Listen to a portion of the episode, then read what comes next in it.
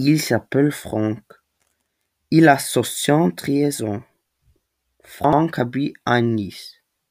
Son anniversaire est le quinze avril. Franck porte un t-shirt jaune et violet et un short bleu. Il aussi porte un sac d'eau. Franck aime faire de la randonnée et faire du ski. Franck est mince et petit. Il a les cheveux blonds et très courts. Franck a les yeux bleus. Les voyages. Franck a fait un voyage dans les Alpes avec un ami nommé Paul.